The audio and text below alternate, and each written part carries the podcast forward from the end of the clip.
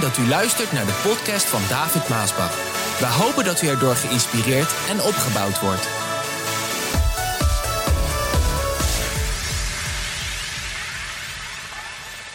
Er zijn heel veel ziektemachten. Er is één tekst die gebruikte mijn vader ook zo vaak en ik heb hem onderstreept in mijn Bijbel. En die staat in Psalm 103, vers 3. En daar staat: Hij vergeeft al mijn zonden en geneest mij van elke ziekte. En, die heb ik onderstreept. Want dat is een beleidenis die ik doe. Ik lees hem als ik eh, daarmee geconfronteerd word. Want dat is eenzelfde manier als wat ik net zeg, dat je spreekt daartegen als je ziek bent.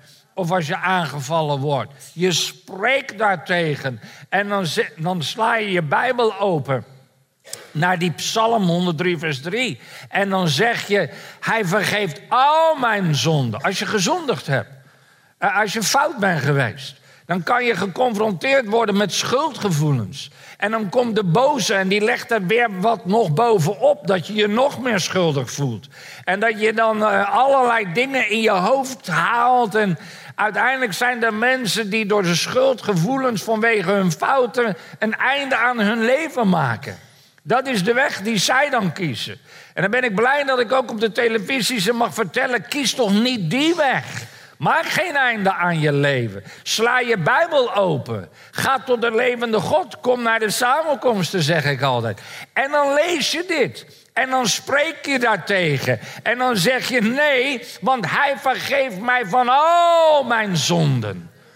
En als je ziek bent en je wordt aangevallen, dan kan je in je bed liggen en je kan je nog zo ziek voelen. Maar dan spreek je daartegen. En dan zeg je, en hij geneest mij van elke ziekte. Halleluja.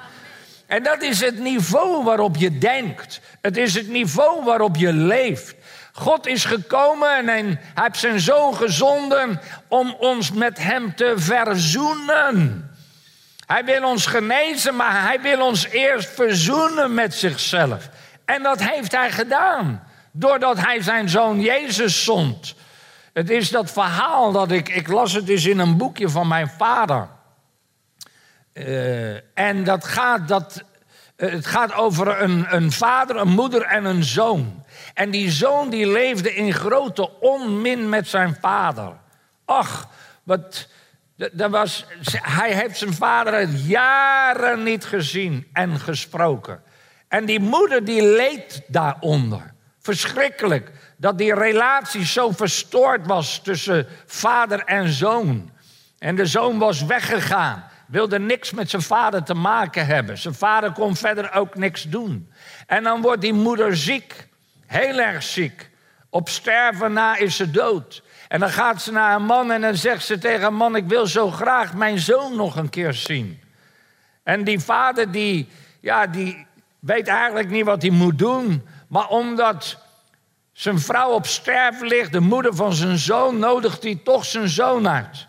En die zoon gaat erop in.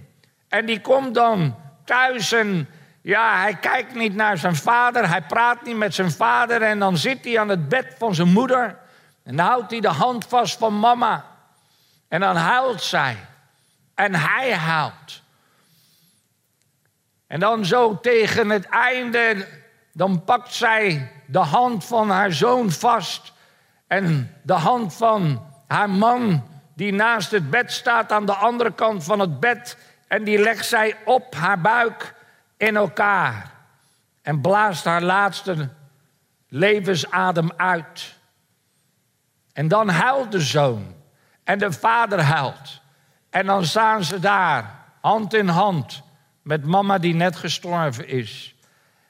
En, eigenlijk schrijft mijn vader, dat is hetzelfde beeld als dat Jezus stierf aan het kruis op aarde. De ene hand reikt hij de mens en houdt hij de mens vast. En de andere hand pakt hij de hand van de vader. En hij bindt de vader met de mens waarvan de relatie zo verbroken was. En hij verzoent dat en hij brengt het samen. En dat is de manier waarop God zich verzoend heeft met de mens. Door zijn zoon te geven in de dood. Jezaja zegt dat ook. Zo prachtig, Jezaja 53. Het was ons leed dat Jezus droeg. Ons lijden drukte hem neer. Wij dachten dat hij door God geslagen en vernederd was. Hij werd doorstoken en verbrijzeld ter wille van onze zonden. Hij werd zwaar gestraft, zodat wij vrede konden hebben. En hij werd geslagen. En daardoor zijn wij genezen. Zie je, dat gaat samen. Het is de verzoening van onze zonden. Waarvoor Jezus gestorven is om ons weer samen met de Vader te brengen. Maar het is niet alleen de verzoening van onze zonde dat we daarvan gereinigd worden en dat we weer bij de Vader kunnen komen. Er staat ook dat Hij gestorven is voor al onze ziekten. En dat is een boodschap die haast niet meer gebracht wordt. Dat Jezus ook gestorven is om ons te genezen. Hij wil ons genezen. Maar ja, omdat de boodschap niet zo vaak meer gebracht wordt en wij zo'n geweldige, geweldige zorg hebben, ziekenhuizen en dergelijke, wat in veel landen niet is, ja, zijn ook wij christenen zo vaak geneigd om maar gewoon helemaal mee te gaan met de medici. Nou, ik heb een hele hoge pet op van de dokters. Hele hoge pet op. Ik vind het geweldig wat wij hier in Nederland hebben. Aan, aan zorg en aan ziekenhuizen en, en uh, medicatie en noem maar op. Geweldig. En we maken daar zeker ook gebruik van. Maar er is ook nog zoiets als genezing. En het is maar hoe wij daar tegenaan kijken. En ik wil vandaag niet iets zeggen waardoor wij veroordeeld worden of voelen wanneer we ziek zijn. Waar ik graag over wil spreken vandaag is hoe wij praten uh, hierover. En hoe wij denken hierover. En hoe wij onze kinderen hierin opvoeden. Want daar heeft het eigenlijk mee te maken. Jezus is gekomen om onze zonde te vergeven en hij is ook gekomen om ons te genezen van onze ziekten. Want ziekten is geen zegen van God. De Bijbel die vertelt ons dat ziekte, dat, dat is door de zonde gekomen. De zonde van de mens. Want u denkt toch niet dat God de mens met ziekte heeft geschapen? Dat lees ik niet in de Bijbel. God heeft de mens gezond en wel en sterk geschapen. Maar toen de zonde de intrede deed, toen kwam de dood, maar ook alle ziekte is gekomen in het menselijk ras. Niet omdat God gegeven heeft of omdat Gods zegen ziekte is. En als de sommige mensen dat geloven, zei mijn vader altijd: Kom dan naar voren, dan zal ik bidden dat je twee keer zoveel gezegend zal worden. Met ziekte. Maar dat willen we niet, dus niemand komt naar voren. Dus eigenlijk geloof je dat ook niet.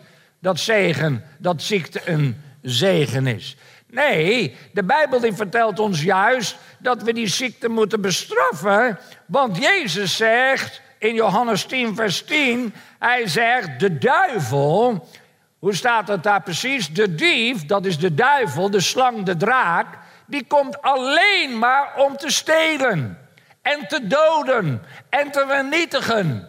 Maar Jezus zegt: Ik ben gekomen om mijn schapen leven, leven en overvloed te geven.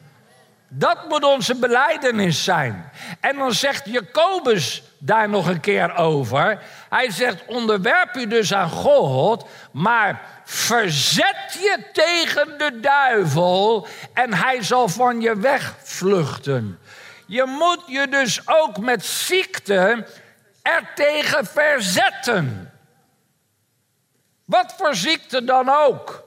Je moet je in je spirit, in je denken, ertegen verzetten. En dat doe je door het niet te accepteren. Terwijl je misschien ziek op bed ligt of in het ziekenhuis bent. Je doet het door, als je kan, naar de samenkomsten te komen. En voor je te laten bidden, door je te laten salven met olie, zoals Jacobus ons dat ook vertelt. Dat betekent, je accepteert het niet, je verzet je ertegen. En je zegt, nee, ik wil het niet, ik geloof dat Jezus is mijn heelmeester.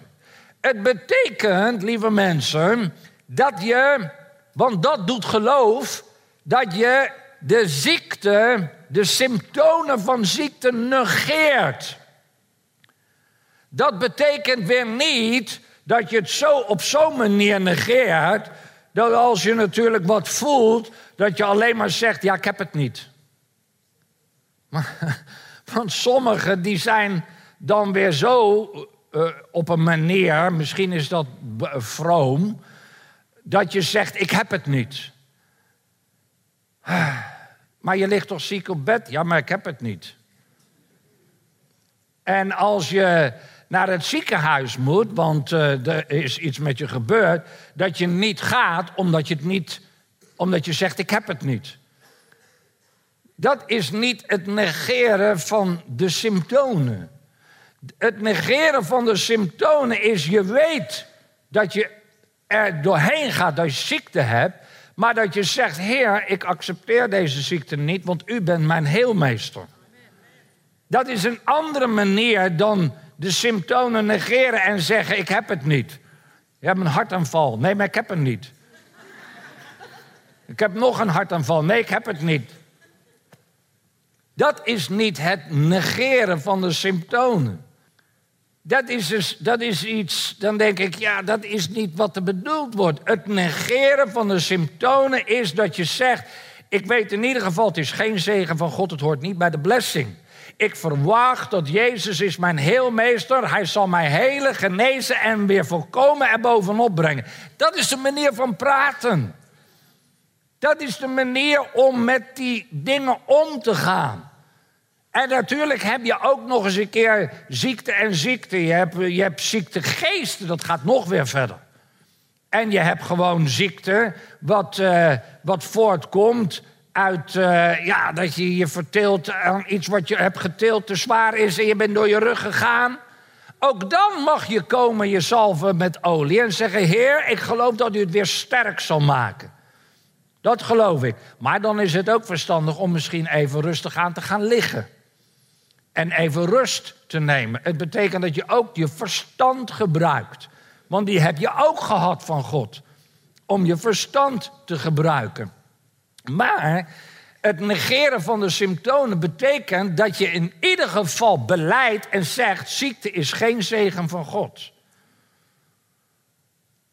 Ziekte komt niet van God. Ja, maar David, hoe zit het dan met uh, Job? Want jij weet toch ook dat uh, Job zo aangevallen wordt en, en ziek was en alles kwijt. Ja, maar, maar dan moet je het verhaal goed gaan lezen. En daar heb je ook je verstand weer voor gehad. Door je Bijbel te openen en te goed gaan lezen. En daar staat niet dat God Job ziek maakte. Die ziekte kwam van Satan. Die maakte hem ziek. Alles wat God deed, is hij nam de bescherming weg. Dat is wat God deed. Hij nam de bescherming weg. Maar de ziekte, die kwam van Satan. Die maakte Job ziek. Wij moeten dat goed onderscheiden. Dat is de manier van denken en de manier van beleiden. Als je door ziekte heen gaat. Eh, ik ben zelf ben ik ook in het ziekenhuis geweest. Ik meen twee jaar geleden. En ik heb daar, en ik schrijf het in mijn boek en dat komt uit. Een vernielde versie van uh, Verlies nooit je geloof. Echt waar. Mooi boek waar ik in heel veel dingen van de afgelopen jaren over schrijf. Een van die dingen is dat ik ook naar het ziekenhuis ging.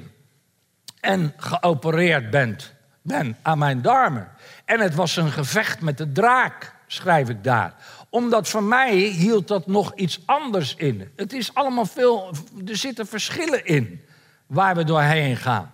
En de duivel, die, is met de een zo bezig en met de andere zo bezig. Maar altijd wat hij doet, is hij erop uit om je geloof weg te nemen in de levende God. En zo was het met mij ook. Ik ging daar doorheen, maar ik wist dat ik naar het ziekenhuis moest gaan en dat de Heer met de doktoren zou zijn om mij daar doorheen te helpen.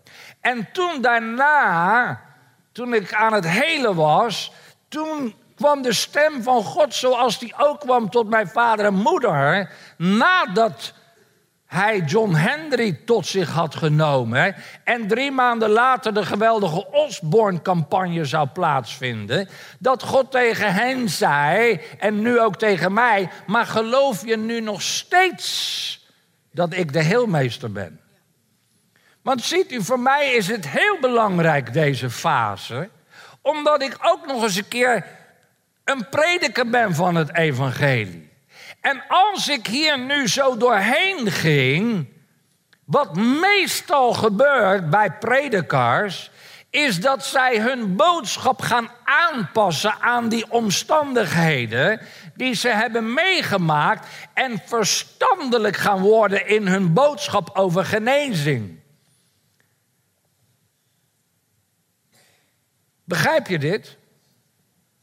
En dan gaan we een soort balans maken. Maar dat is niet waarom ik hier doorheen ging. De Heere die vroeg mij dat, zodat mijn boodschap over genezing en het geloof dat God de heelmeester is, dezelfde boodschap na mijn operatie zou zijn als voor mijn operatie. En dat dat niet daarom veranderd is omdat ik een andere weg moest gaan dan alleen de geloofsboodschap en maar over me laat komen, waardoor het misschien een hele andere kant had kunnen gaan. Ik spreek dus nog steeds over genezing, wat de Bijbel ons leert, dat door ons geloof zal God ons kunnen genezen en dat Hij de heelmeester is. Dat is dus niet veranderd. Wat is dus gebleven binnenin mij, ondanks de omstandigheden, is het geloof in Gods woord dat Hij is de Heer, onze heelmeester. Ja, maar sommigen denken dan, God straft met ziekte. Is ook weer zo'n gedachte. Uh, sommige mensen zijn ziek omdat God straft met ziekte. Maar ook dat is weer niet bijbels. Wat zegt, uh, wat zegt Hebreeën ons?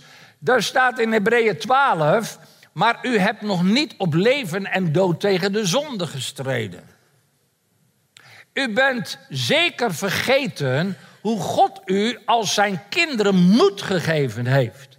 Hij zei: Denk niet licht over de tucht, over de straf van de Heer, mijn zoon.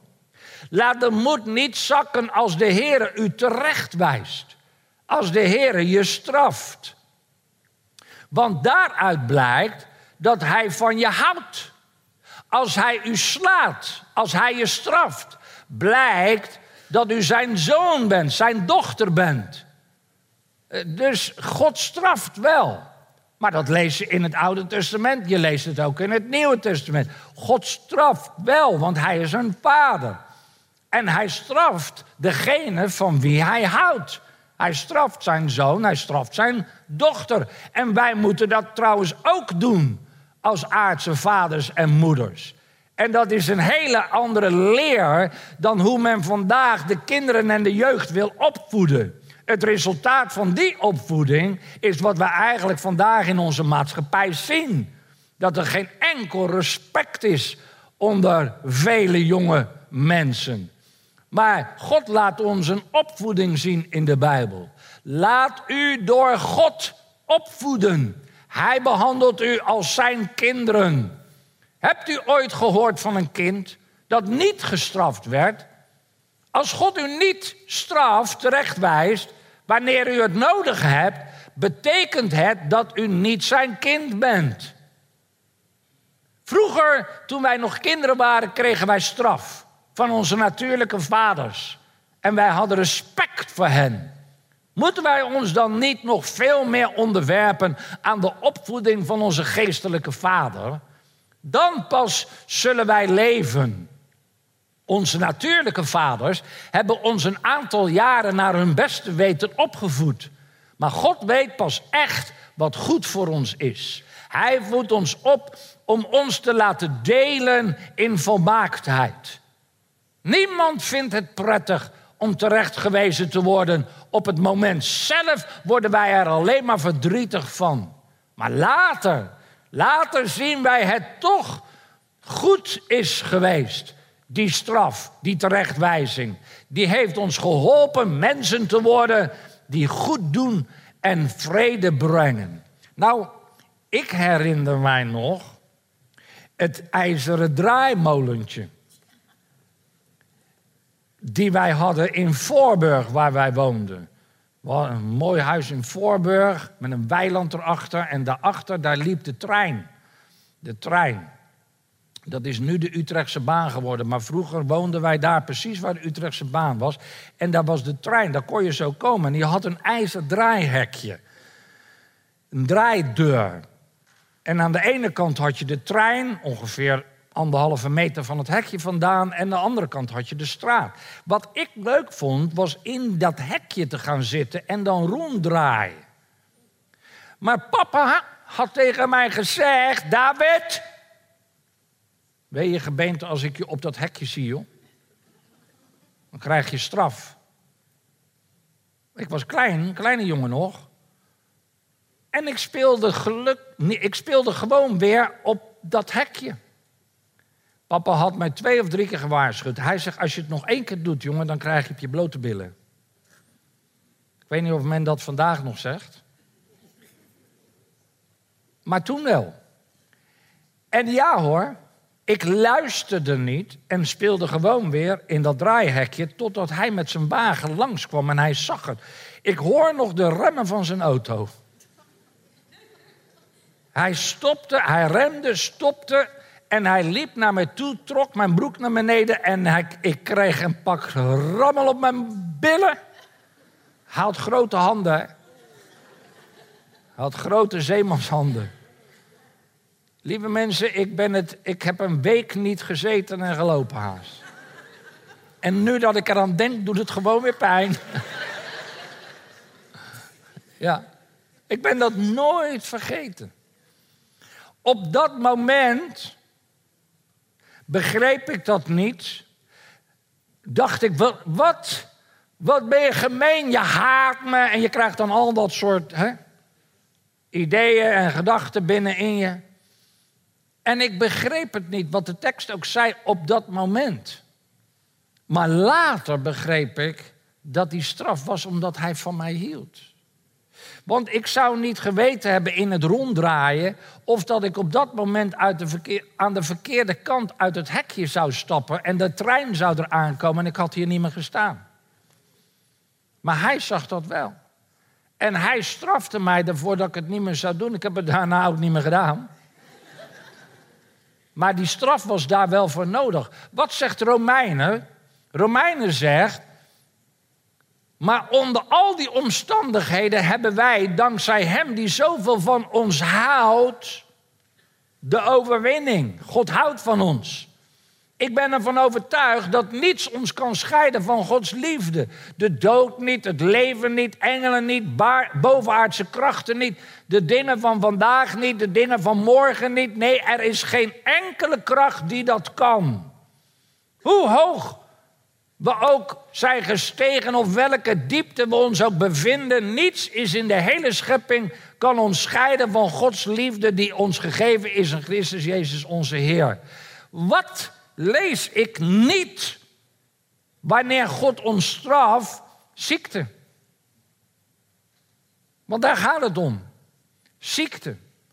Maar ik lees niet dat God zegt: Ik straf je met ziekte.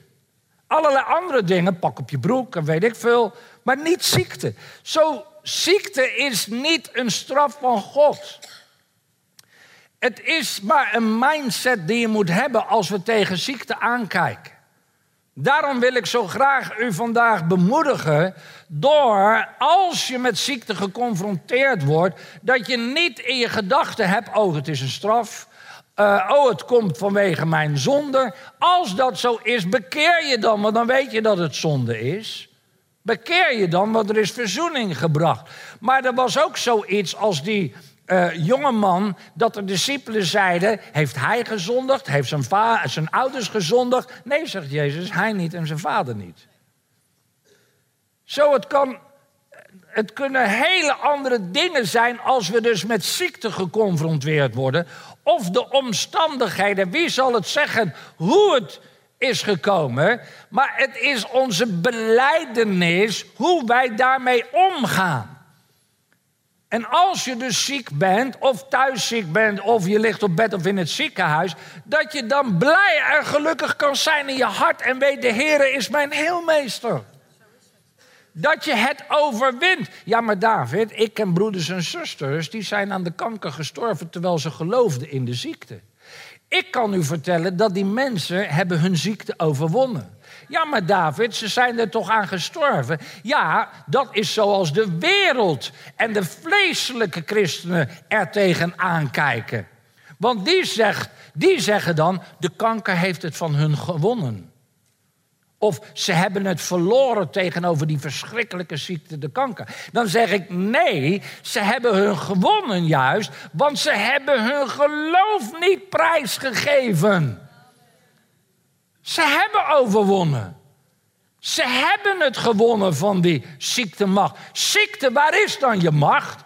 Dood, waar is dan je? Als je zegt dood, waar is je macht? Betekent toch niet dat je niet doodgaat? We gaan allemaal dood. Maar we gaan niet die tweede dood in. Omdat we gered zijn door het bloed van het lam.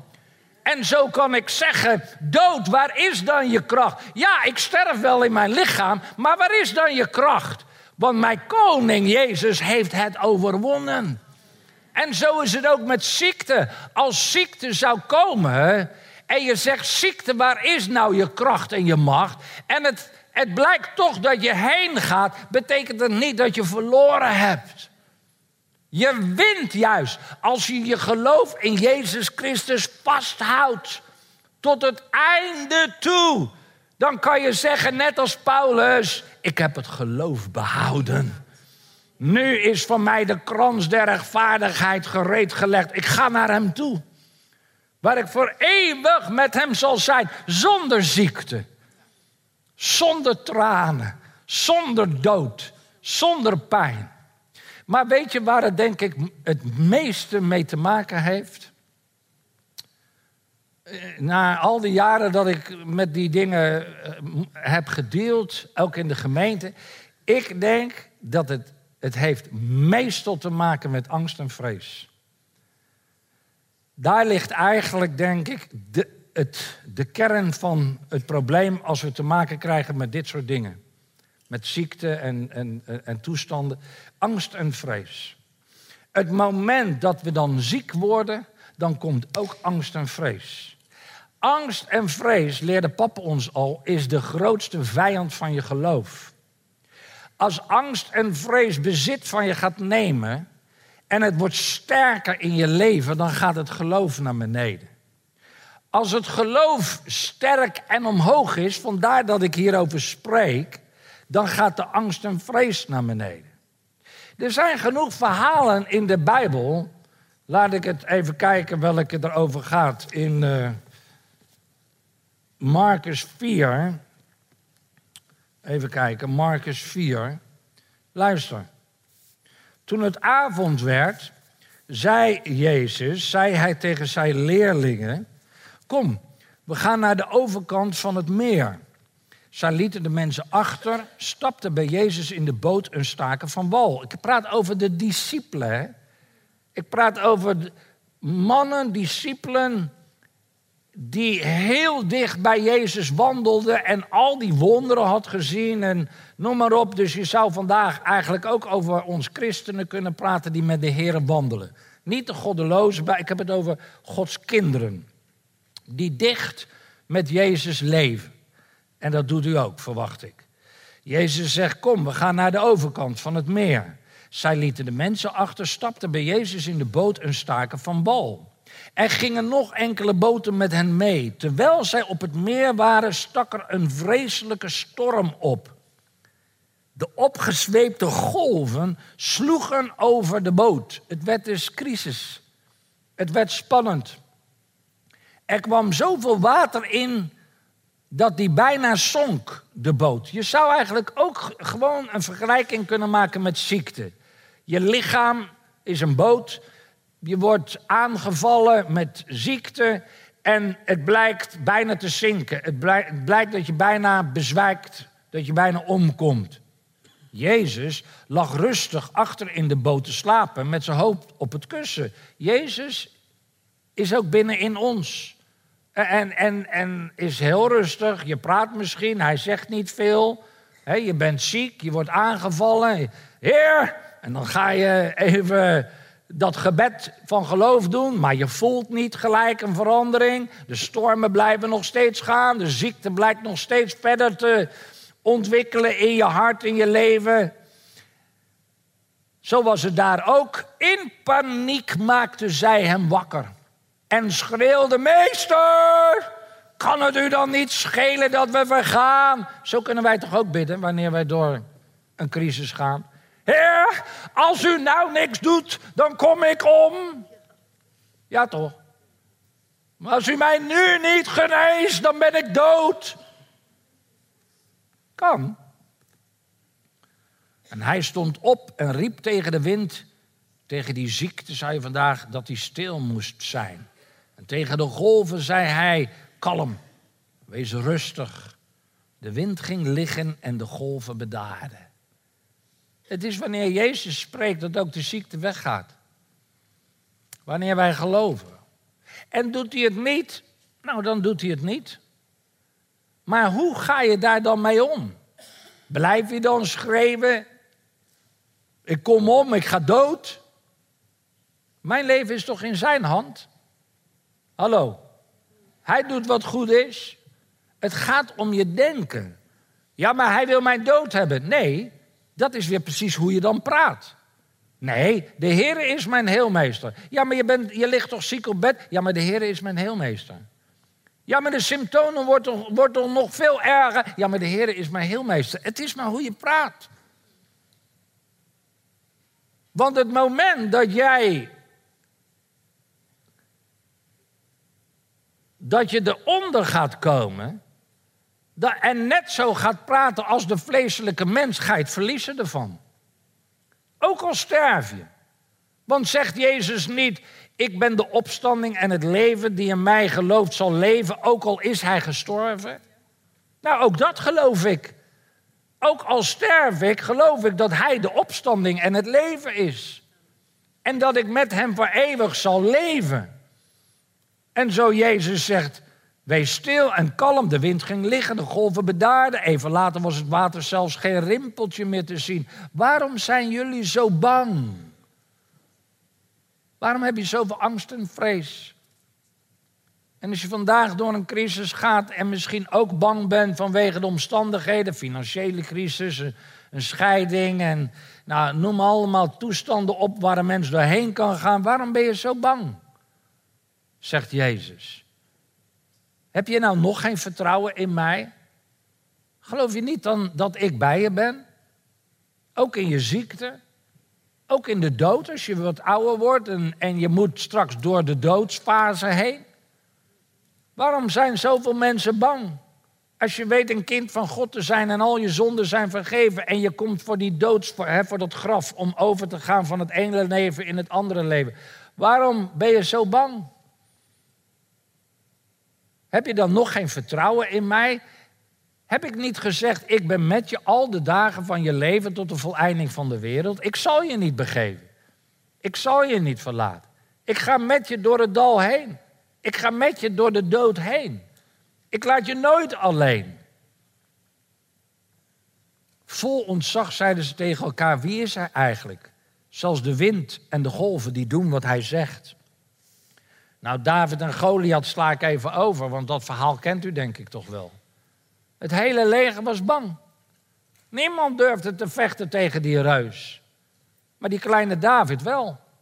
Waarom? Had hij zo vertrouwen in dat steentje, in die slinger? Nee, hij had vertrouwen in de levende God. Want hij zegt, koning, zoals God mij heeft doen overwinnen over die beer en de leeuw, zo zal God mij ook over die reus laten overwinnen.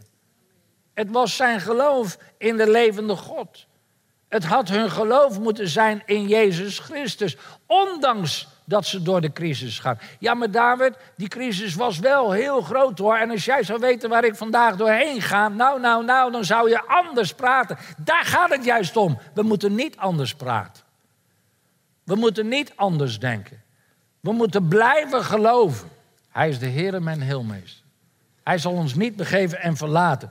Het was juist Saul, lees ik in 1 Samuel 15. Saul was degene die zijn koningschap verloor door angst en vrees. Want er staat in 1 Samuel 15, vers 23, omdat u het woord van de Heer in de wind hebt geslagen, heeft hij het koningschap van u afgenomen. De bediening die God had gegeven aan Saul, het koningschap, heeft God van hem afgenomen. Ik heb gezondigd, gaf Saul toe. Luister wat, hij zegt. Ja, ik heb het gebod van de Heer en uw aanwijzingen niet opgevolgd. Luister waarom. Omdat ik bang was voor het volk en deed wat, wat het volk van mij vroeg. Hoorde u dit? Omdat ik bang was voor de mensen. En ik deed wat de mensen van me. Eh, dat is waarom we vaak dingen doen of niet doen, omdat we naar mensen luisteren. Dit is zo'n groot geheim. Ook broeders en zusters kunnen wel eens dingen zeggen waar je niet naar moet luisteren. Daarom zeg ik elke keer: werp je in de handen van Jezus. Werp je in het woord van God. Ga in de stilte. Zoek de Heer. Hij zal door zijn geest met je spreken. Ik heb dat voor mijzelf ook zo vaststaan in mijn leven. Wat ben ik niet aangevallen de laatste jaren omdat ik grenzen heb getrokken en gezegd tot hier en verder. We moeten niet verder meegaan. Met al die vleeselijke gedachten en, en levensmanier en wijze. Ja, dan word je aangevallen. Als je dan gaat luisteren daarna, dan kan je wel eens compromis gaan sluiten waar je spijt van krijgt. We moeten doen wat het woord van God zegt. Ja, maar het woord van God is wel heel moeilijk. Ja, maar de Heer zegt toch, wees sterk en moedig. Dat zegt hij tegen Jozua en Caleb in Deuteronomium 31. Laat ik dat nog even lezen. Luister wat er staat, vers 6. God zegt tegen het volk van Israël: Wees sterk, wees moedig. U hoeft geen angst voor hen te hebben, voor die vijanden. En dat zegt hij ook vandaag tegen u als je nu door een crisis heen gaat. Als je nu door ziekte heen gaat. Als je nu door, door financiële moeilijkheden heen gaat. Als je nu door strijd heen gaat. Als je nu door een scheiding heen gaat. Eh, eh, wat voor nood je ook aan kan halen. God zegt, wees niet bang. Je hoeft niet bang te zijn. Want de Heer, uw God, zal bij u zijn. Hij zal niet tekortschieten en u niet in de steek laten. Betekent dat dan dat je altijd genezen wordt? Nee, ik moet eerlijk bekennen, soms niet. Maar dat betekent nog niet dat de Heere God je verlaat. Want Hij zal met je zijn als je er doorheen gaat. Kan je dan beleiden, nou de Heere geneest niet altijd zo, ik moet dit dan ook maar accepteren en mijn kruis dragen? Dat is weer de verkeerde kant op. Moeilijk voor sommigen om dit te begrijpen, hè? Maar ik probeer het zo goed mogelijk uit te leggen. Nee, je blijft beleiden, de Heer is mijn heelmeester. Je blijft zeggen, de Heer is met mij. Al ga ik door een dal van diepe duisternis, ik zal niet vrezen, want gij zijt met mij. Dan gaat hij naar Jozua en dan zegt God tegen Jozua, hij zegt, waar alle Israëlieten, het hele volk bij stonden, wees sterk. Wees moedig, Want u zult de Israëlieten het land binnenleiden dat de Heer aan hun voorouders heeft beloofd. Zorg ervoor dat zij het als hun erfdeel in bezit nemen. Wees niet bang. Want de Heere zal voor u uitgaan en steeds bij u zijn. Hij zal niet falen, noch u in de steek laten. Jezus faalt nooit. Hoe je er ook doorheen gaat, hij faalt niet. Hij is met je. Wil hij je dan ziek maken? Nee. Wil hij je dan straffen met ziekte? Nee. De Heere is mijn heelmeester. Ja, maar je bent toch ziek? Maar de Heere is mijn heelmeester. Je gaat toch door een hele moeilijke crisis? Ja, maar de Heere is met mij. Maar je ligt toch bijna op sterven, man. Kijk naar jezelf. Ja, maar de Heer is met mij. Ik ben Waar maak jij je zo druk om? Het zijn vaak die anderen die zich zo druk erom maken. Ik heb mensen meegemaakt die op sterven lagen. Christenen, wederom geboren christenen, vol van het geloof. En die mij in de rust brachten. Broeder David, heb maar vertrouwen op de Heer hoor, de Heer is met mij. Dat is de rust en de vrede van God, omdat Jezus met je is. Blijf in Christus, blijf in Hem. Blijf in mij zoals ik in u ben. Blijf in Hem, in je denken. Oh, wat een heerlijke boodschap. Het is maar hoe je praat, hoe je denkt, hoe je leeft. Ik ben bijna 60, maar ik denk dat ik nog de grootste dingen in mijn leven moet gaan doen. Ik moet nog zoveel doen. We hebben het gelezen woensdag. Jozua was al oud. En God die kwam bij Jozua en zei: Jozua, uh, je kan wel oud zijn, maar er is nog heel veel land in bezit te nemen. Zo wanneer je door een crisis gaat, betekent niet dat je bent afgedaan. Dat is de gedachte die tot je komt. Dat zijn de boze machten die tot je willen komen. Dat je uiteindelijk je erbij neer gaat leggen en dat je gaat zeggen, nou oké, nou dan, uh, dan gaan we maar. Dat is ook niet de bedoeling. Heer, ik wil nog zoveel voor u doen, maar wat u doet is goed. Niet mijn wil, uw wil geschieden. Als u mij er bovenop wil brengen en ik weet dat u dat wil doen. Ja, maar David, als je nou zegt, ik weet dat u dat wil doen, maar de Heer doet dan niet. Nee, maar dat is het denken en het praten. In het geloof. Dat Jezus is mijn heelmeester. Hij is met mij. Ja, maar de symptomen zien. Ja, maar hij is met mij. Ja, maar. Nee, nee, niet meer. Ja, maar. En als je dan mensen hebt die elke keer maar zo tot je praten, en dit heb ik in het verleden ook gezegd over andere dingen, wanneer mensen tot je praten, op een gegeven moment dan zeg je, zeg Regine, ik heb geen zin meer dat die komt hoor, want alsjeblieft joh, ik word er doodmoe van. Hoe doodmoe moeten die mensen zelf wel niet zijn? Ik niet, ik wil het niet horen. Maar wil je dan dood? Nee, ik wil leven. Ja, ik wil graag bij hem zijn, maar ik wil toch leven. Snap je? En zo moeten wij dus praten en denken en leven vanuit het woord van God. Zo moeten we de kinderen opvoeden. Ziekte is niet van God. Ziekte is geen zegen van God. Ziekte is geen straf van God. Ziekte komt van de boze. Daar komt het allemaal vandaan. Maar hoe het dan precies zit, het interesseert me niet. Dit is wat ik weet. Ik weet, Jezus is gekomen om leven te geven. Jezus is gekomen om mij te genezen. Jezus is met mij als ik door het dal heen ga. Amen.